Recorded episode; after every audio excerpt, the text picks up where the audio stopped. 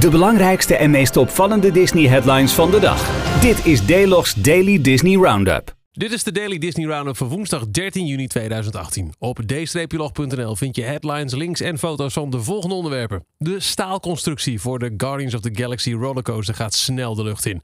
WDW Magic heeft een prachtige foto-update. De horizon in het park krijgt een flinke metamorfose. Er zijn meer details bekend over de Play Disney Parks app die deze zomer zal verschijnen. Ben je op 30 juni in San Francisco? Mazzelaar. Vergeet er niet om naar het Walt Disney Family Museum te gaan voor een wel heel bijzondere presentatie over Mark Davis. Tevens verschijnt er in de loop van 2019 een nieuw boek over een van de Nine Old Men. Mark Davis Goes to Wed, Designing the Disney Theme Parks. Er is meer bekend geworden over de upgrade die Hotel New York in Parijs gaat krijgen. Meer concept art over The Art of Marvel Hotel vind je op dcplog.nl. This Avenue heeft een interessante video online gezet over World of Motion, de voorloper van Test Track in Epcot. En gisteravond namen we hem op. Was je er niet bij tijdens de live-uitzending op YouTube, dan kun je hem alsnog nu beluisteren. Aflevering 113 van Details gaat over Fandays en de Marvel Summer of Superheroes.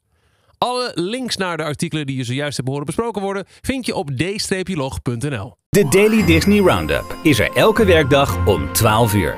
Check D-log voor alle links en meer info. d-log.nl